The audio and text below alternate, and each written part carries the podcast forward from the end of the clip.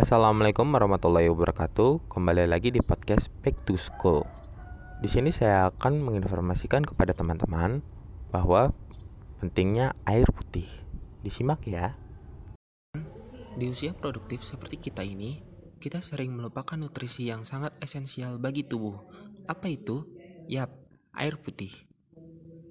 Tahu nggak sih kalian, air adalah komponen yang berperan penting kurang lebih 70% dalam tubuh kita. Setiap sistem dalam tubuh kita memerlukan air untuk menjalani fungsinya.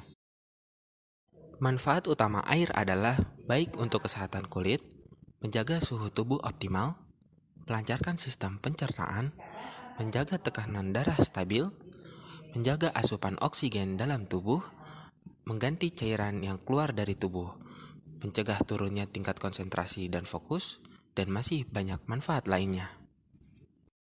Penting kan? Sayangnya yang penting ini banyak disepelekan oleh kita. Jangan lupa minum air putih 2 liter per hari ya. Salam sehat.